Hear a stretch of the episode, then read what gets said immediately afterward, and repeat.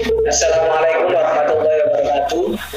Kembali lagi bersama kami di podcast yang ketiga BMI Raya Tarbiyah atau sini dan tepat pada hari ini adalah memperingati Hari Pendidikan Nasional dengan tema Pendidikan Mahasiswa dan Aktivis. Narasumber di depan saya ini adalah sahabat Muhammad Haris Ali, mantan komisariat periode 2014-2016 dan menjabat di PC PMI Sidoarjo periode 2016-2017. Mas Haris, apa kabarnya? Gimana kabar? Sehat ya? Alhamdulillah. Uh, menurut Mas Haris, mahasiswa sekarang ini bagaimana ya perbedaan mahasiswa sekarang dan mahasiswa zaman dulu? Kalau berbicara mahasiswa langsung ya kita ngomong mahasiswa dulu. Artinya pengalaman lebih ngomong mahasiswa dulu. Ya. Kita nggak jangan ke mahasiswa zaman dulu dan sekarang artinya kita ngomong mahasiswa. Artinya kita buka lagi dan apa itu siswa, apa itu mahasiswa. Artinya ketika berbicara siswa ini adalah orang ataupun manusia yang sedang mengenyam pendidikan dan maha adalah eh, Sesuatu yang besar. sesuatu yang besar bisa kan seperti itu artinya sesuatu yang besar artinya memiliki berbicara mempunyai ruang berbicara pendidikan yang lebih luas artinya seperti itu artinya begini berapa banyak manusia ataupun anak di Indonesia yang mengenyam pendidikan mulai dari SD, mulai dari PAUD, TK, SD, SMP, SMA, kan seperti itu. Namun hanya beberapa yang bisa menjadi mahasiswa. Artinya begini, tidak semua orang yang di, di Indonesia bisa mendapatkan atau bisa mengenyam pendidikan di mahasiswa di perguruan tinggi khususnya. Artinya ada beberapa, kan gitu. Ya. Artinya ad- eh, bukan tidak semua orang Indonesia, anak-anak Indonesia bisa mengenyam pendidikan di mahasiswa. Artinya ada pola di mana ada keinginan, ada desakan yang menuntut dia untuk bisa memasuki dunia mahasiswa. Artinya nggak semuanya orang bisa mengenyam pendidikan entah dari segi ekonomi, entah itu dari segi eh, kapasitas keilmuan yang tidak mumpuni kan banyak artinya begini. Banyak anak yang lulus SMA mendaftar di kampus A yang diinginkan ternyata nggak lolos tes. Ya kan namun ada beberapa mahasiswa ada beberapa siswa yang ketika lulus SMA memasuki dunia perguruan tinggi dia bisa lolos tes dia memiliki artinya mendapatkan beasiswa secara keilmuan entah itu dibantu dengan secara ekonomi beasiswa suatu misal dia bisa menjadi mahasiswa. Ya kan? Tidak semuanya. Nah, di sini kita berbicara mahasiswa dengan siswa. Artinya ketika kita ngomong siswa, apa yang diutarakan se- seorang guru, kita harus mengiyakan. Bahwa itu sebuah pernyataan yang valid. Nah, ya artinya apa yang diutarakan oleh seorang guru, seorang guru. Ketika ada pertanyaan satu tambah satu berapa? Guru menginginkan jawaban itu dua. Tapi kalau mahasiswa berbeda, kita harus kenapa dua? Harus secara ilmiah perhitungannya.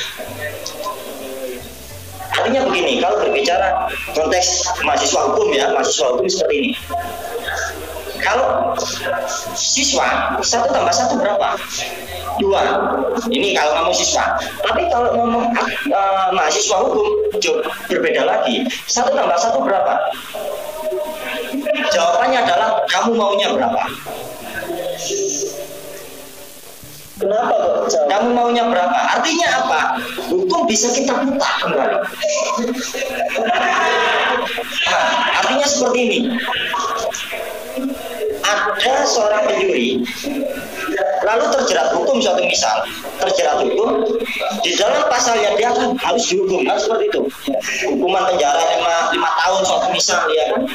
Tapi ketika seorang ibu mencuri dan dia mempunyai anak yang masih kecil ketika dijerat hukum ketika dijerat hukum hukumannya dari lima tahun itu. Tapi ada undang-undang lagi di mana dia masih mempunyai anak masih mempunyai hak asuh hak sehingga dampaknya bisa mengurangi hukumannya minimalisir hukumannya. Nah, seperti itu. Artinya apa? Ya seperti itu. Perbedaan siswa dengan mahasiswa. Kalau ketika siswa ketika ada pertanyaan satu tambah satu berapa? Dua. Mahasiswa jurusan hukum berbeda. Satu tambah satu berapa? Kamu mau berapa? Berarti terdapat tinggal uangnya saja. tinggal uangnya saja. Kita bisa mainkan hukum. Tapi seperti itu. Kalau secara ilmiahnya kalau kamu pragmatisnya kan seperti itu Nah itu perbedaan siswa dengan mahasiswa. Artinya apa yang menjadi ya apa yang ada dalam pikirannya harus secara ilmiah dia memikirkan.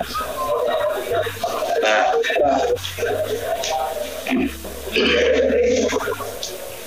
untuk pengertian mahasiswa dan organisasi, menurut uh, Mas Haris ini bagaimana? Kalau pengertian mahasiswa dengan organisasi begini, ketika kita menjadi mahasiswa ya. Kalau yang saya dapat ya secara pengalaman saja ya nanti ketika ada komentar yang berbeda monggo silakan. Artinya secara uh, pengalaman saya pemikiran yang ada dalam pikiran saya apa perbedaan mahasiswa dengan mahasiswa yang ada di organisasi seperti itu ya. Mahasiswa dan organisasi. Ketika kita fokus kuliah saja tanpa mengikuti organisasi ya ini ya mahasiswa akademik mahasiswa akademik lah kalau bahasanya sekarang mahasiswa akademik mahasiswa yang kita mengikuti organisasi apa pun itu fokus pada bangku kuliahnya. Nah perbedaannya adalah ketika dia keluar dari kuliah. Ketika dia keluar dari kuliah ketika sudah uh, selesai 4 tahun perkuliahannya menjadi mahasiswa hanya mengatakan kita pada wawancara kalau kita bukan organisasi, kita fokus ngomong kuliah, hanya bisa mengantarkan kita wawancara. Kalau berbeda jauh, berbeda halnya ketika mahasiswa yang ikut organisasi, bukan hanya bisa masuk ke dalam wawancara, tapi mampu mencetak pekerjaan mampu membuat lapangan, pekerjaan, mampu mempekerjakan orang. Karena kenapa? Di sana akan diajari bagaimana nilai-nilai kepemimpinan, bagaimana dia menghadapi sebuah konflik dan dinamika. Kalau menjadi mahasiswa saja, oke sampai mempunyai nilai IPK bagus. Kebanggaan menjadi mahasiswa selesai ketika toga itu kita turunkan ada sebuah kebanggaan toga dimiringkan ada sebuah kebanggaan kita menjadi mahasiswa memang. Tapi problemnya ketika toga itu ditaruh kita mau ke mana? Mau melamar kerjaan pekerjaan kita hanya selesai, selesai di wawancara.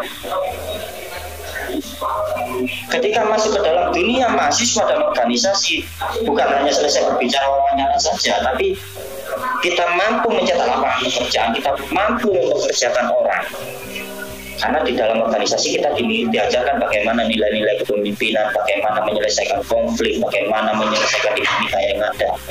Karena itu akan terjadi di organisasi. Berarti apa yang didapat dari mahasiswa yang mengikuti organisasi dan apa yang tidak berbeda jauh, berbeda jauh, berbeda, berbeda jauh ketika menjadi mahasiswa itu hanya tadi, hanya selesai di wawancara saja, mengantarkan kita pada sesi wawancara saja. Kebanggaannya ketika toga di uh, tali toga dimiringkan, itu ada sebuah kebanggaan nama kita disebut. Apalagi kita mendapatkan mahasiswa terbaik, ada sebuah kebanggaan. Namun selesai itu apa yang harus kita lakukan? Nah pada konteks ini mahasiswa akan bingung untuk menentukan hidupnya harus ke mana menjadi mahasiswa. Artinya apa? Saya sangat miris ketika melihat momen-momen belakang ini mahasiswa sudah lulus kuliah dengan nilai bagus, IPK bagus, dia sudah diwisuda. Namun mahasiswa yang seperti itu, yang saya lihat, masih bekerja dengan orang, masih artinya menjadi pesuruh orang. Kan seperti itu. Berbeda dengan teman-teman saya yang, yang pernah hidup di organisasi. dia mampu menjadi mencetak lapangan kerja, mampu mempekerjakan orang. Nah, itulah keunggulan dari mahasiswa dan mahasiswa yang tidak ikut organisasi dan mahasiswa yang ikut organisasi. Keuntungannya di sana. Jadi mahasiswa aktivis dalam segi keilmuannya lebih dapat dipertanggungjawabkan daripada mahasiswa yang akademik yang lebih mementingkan nilai IPK dan kelulusan. Nah, kalau eh, perbandingan mahasiswa aktivis dulu dan sekarang itu bagaimana mas? Kalau ngomong perbandingan sih apa ya mahasiswa dan aktivis. Kalau dulu ya kalau mahasiswa itu ya aktivis dulu artinya apa kalau daerah saya dulu mungkin tahun 2010 masih masih transisi masih transisi uh, apa? Masih ada gaung lah mahasiswa. Waktu itu saya juga terlibat di demo besar waktu itu tahun 2012 kalau tidak salah demo penurunan SBY waktu itu. Artinya apa? Banyak teman-teman saya itu yang waktu itu ada di Jakarta. Kita bersatu jadi satu dari beberapa daerah atau beberapa daerah kita berkumpul di sana. Banyak teman-teman saya itu yang tidak mengikuti organisasi sekalipun. Tapi dia juga mahasiswa. Artinya apa? Tuntutan sebagai mahasiswa tuntutan kita sebagai mahasiswa bukan hanya kita masuk ke dalam organisasi saja, namun kita ketika kita memprediksi, mempredikatkan diri kita sebagai mahasiswa, ada sebuah tuntutan moral bagi kita yaitu belajar. Kan itu kan ada di Tridharma perguruan tinggi itu kan, belajar, mengajar dan penelitian kalau nggak salah. Seperti itu. Artinya tuntutan itu berlaku, mulai berlaku mulai berlaku untuk bagaimana meneliti, bagaimana peran pemerintah, e, mengawal peran pemerintah, mengawal apa pun yang menjadi problem masyarakat dengan pemerintah. Mahasiswa zaman dulu nggak perlu ikut organisasi untuk bisa jadi aktivis. Kalau hari ini kan untuk bisa jadi aktivis harus mengikuti sebuah organisasi. Berarti perbedaan untuk zaman dahulu perbedaan mahasiswa itu perbedaan mahasiswa aktivis tidak harus ikut organisasi. Dulu kalau dulu loh ya kalau dulu. Banyak teman-teman saya yang tidak ikut khususnya organisasi PMI khususnya. Hari ini dia mampu menjadi seorang tokoh gitu loh menjadi seorang tokoh bukan semata-mata dia begitu saja menjadi seorang tokoh di daerahnya. Seperti itu saja. Namun ada proses panjang dialektika panjang tentang tentang sebuah prosesnya ketika dia menjadi mahasiswa bagaimana peran dia menjadi mahasiswa. Artinya ada sebuah ketidakcocokan ketika dia menjadi mahasiswa dengan akademiknya dengan kampusnya. Mahasiswa zaman dulu berani untuk menuntut haknya sebuah hak. Meskipun itu tidak harus berlatar belakang dari organisasi uh, mana pun. Nah, kalau dulu itu kan organisasi hanya apa ya? Motor, kendaraan, kendaraan saja seperti halnya BEM seperti itu ya. Seperti halnya BEM untuk untuk bisa berkomunikasi langsung secara resmi yaitu adalah BEM. Kan gitu seperti itu. Nah, mahasiswa zaman dulu untuk bisa berkomunikasi langsung secara langsung dengan akademik ataupun ke bidang uh, bidang kemahasiswaan kita harus melalui BEM ya ada yang namanya DPM seperti itu artinya untuk bisa men menjadi aktivis di zaman dulu tidak harus mengikuti organisasi predikat belajar mengajar dan penelitian itu yang disematkan pada perguruan tinggi itu sudah berlaku ketika kita sudah memposisikan diri sebagai mahasiswa. Untuk apa sih resiko mahasiswa aktivis ke depannya? Adakah resiko mahasiswa aktivis di masa mendatang? Artinya kalau ngomong resiko itu tidak ada satu tidak adanya resiko itu bisa muncul ketika kita bisa bertanggung jawab gitu Apa yang kita lakukan ketika kita menjadi aktivis, kita bisa bertanggung jawab. Misal, eh, banyak kan sekarang itu mahasiswa yang mungkin jarang masuk kuliah, jarang masuk kuliah, lalu menuntut sebuah hak, ya kan? Menuntut sebuah hak di satu misal di perguruan tingginya menuntut sebuah hak kepada akademik. Secara fasilitas suatu misal dia masih belum terpenuhi kan begitu? Lalu dia muncul menuntut sebuah hak fasilitas saya sebagai mahasiswa belum terpenuhi. Kan seperti itu. Nah, ketika si aku lagi pertanyaannya itu mau apa? Resiko mahasiswa aktivis. Resiko nah resikonya ini ngomong bertanggung jawab tadi ya ngomong bertanggung jawab. Kalau ngomong resiko tidak ada ketika kita bertanggung jawab. Nah artinya apa? Kita terus bertanggung jawab itu kita kuliah. Masuk apa yang menjadi tuntutan da, jadwal kita secara akademis itu kuliah jadwalnya kuliah satu hari dua kali kita ikuti ya kan satu hari dua kali kita ikuti dosen siapa yang uh, waktu mata kuliah siapa kita hadir dan sebagainya kita mengikuti mata-mata kuliah kita ikuti semua. Lalu ada satu momen di mana kita tidak mendapatkan hak yang layak sebagai mahasiswa. Secara belajar mengajarnya masih belum layak entah itu dari segi fasilitas itu kurang. Lalu kita menuntut sebuah hak. Lalu kita menuntut sebuah hak. Menuntut sebuah hak kalau era sekarang yang sering saya dengar adalah ketika mana mahasiswa menuntut kepada akademik tuntutannya adalah DO satu misal. Nah, ketika mendapatkan ancaman seperti itu, mahasiswa seperti itu akan ketakutan. Padahal tidak ada resiko, dia tidak akan di DO kecuali kan gitu. Dia bertanggung jawab atas resikonya gitu loh. Resikonya apa?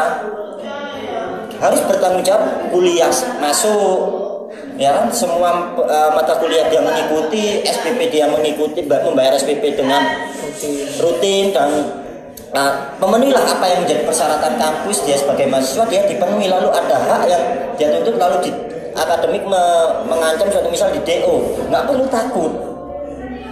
Itu hak sampean itu loh berarti secara keseluruhan dia telah menjalankan apa yang diperlukan di akademik. Nah, nah artinya apa? Itu yang menjadi perbedaan mahasiswa dengan siswa.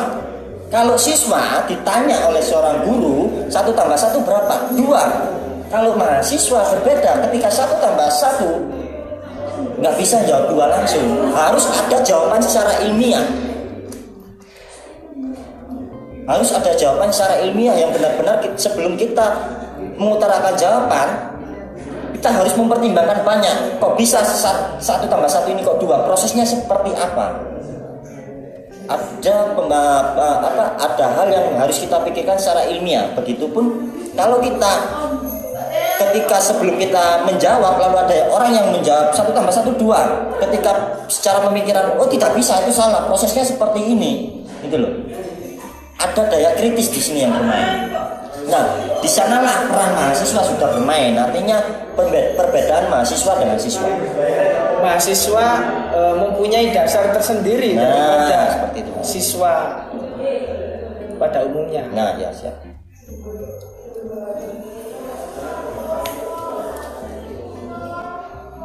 Artinya begini, resiko itu tidak kita dapatkan selama kita sudah menyelesaikan, menyelesaikan tanggung jawab kita.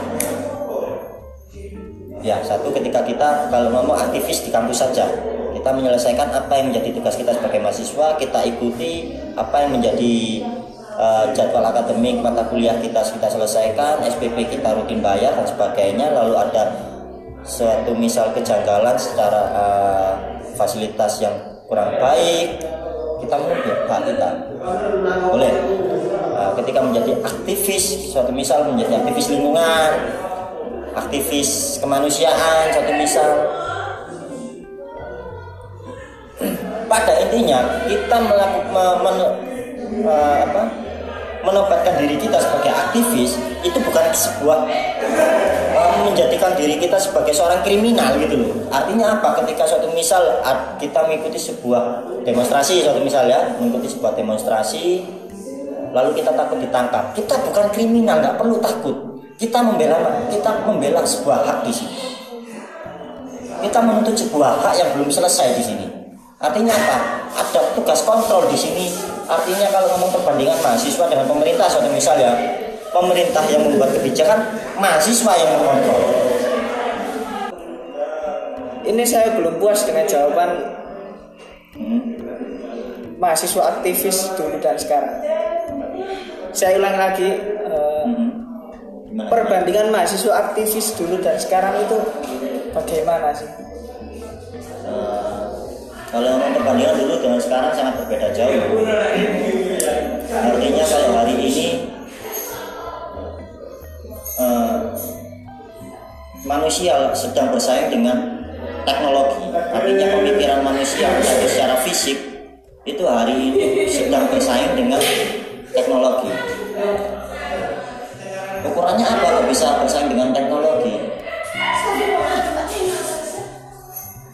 Eh, suatu misal, suatu misal contoh hari ini kemarin yang sedang terjadi Bapak Jokowi melakukan vaksin pertama kali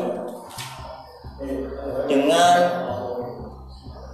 disuntik vaksin dilakukan secara live di TV ditonton oleh masyarakat banyak di Indonesia kan seperti itu. Awal mula tidak ada eh, atau eh, apa keingin ketika vaksin itu turun awal mula turunnya masyarakat harus divaksinkan seperti itu. Lalu ada sebuah tuntutan, ya kalau sekarang netizen menuntut bahwasanya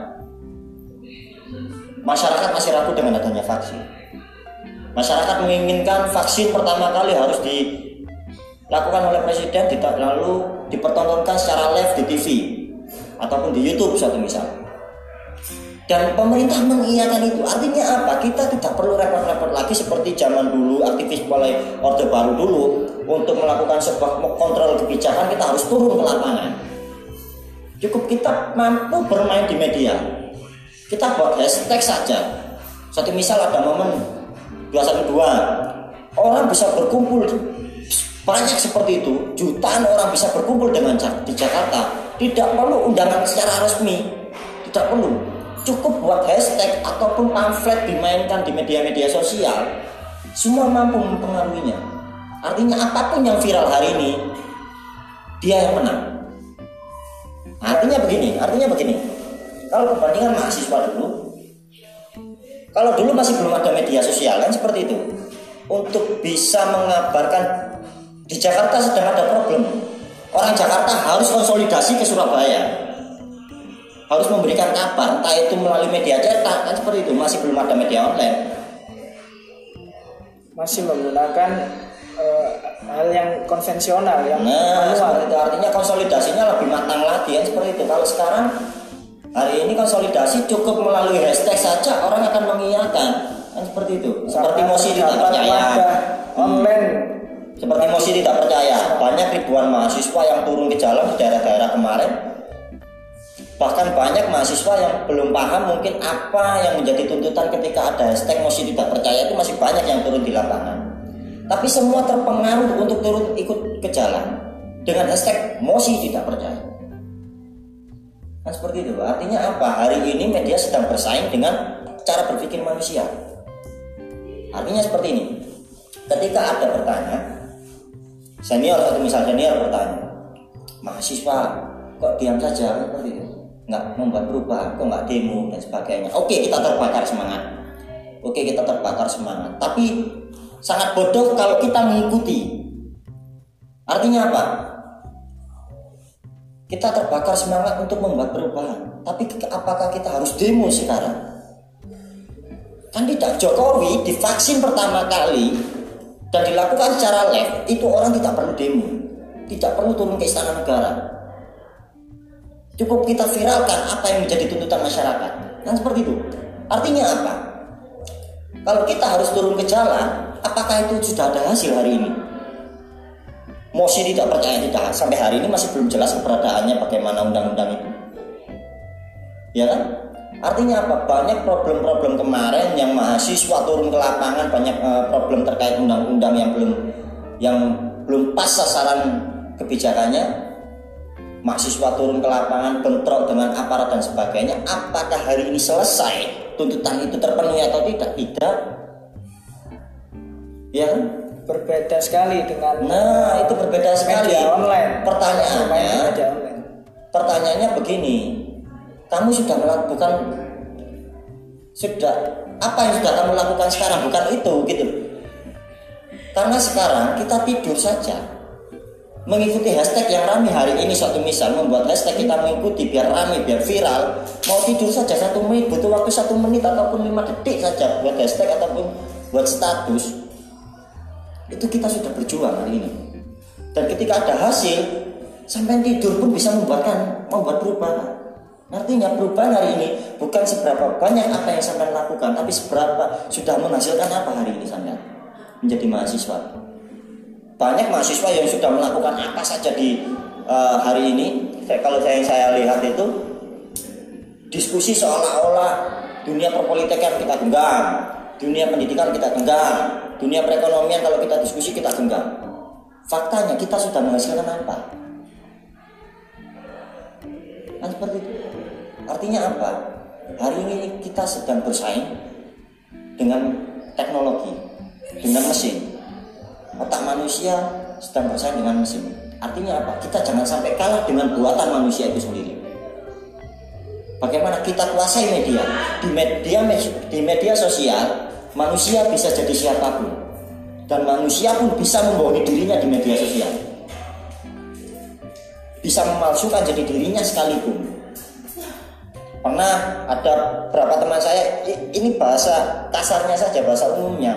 Teman saya berkenalan dengan sosok, sosok teman saya laki-laki berkenalan di media sosial yang bagi dia adalah perempuan yang cantik. Ketika ditemui bukan perempuan ternyata G satu misal artinya apa? Di media sosial bisa jadi siapa pun. Bahkan untuk menutupi jati dirinya bisa.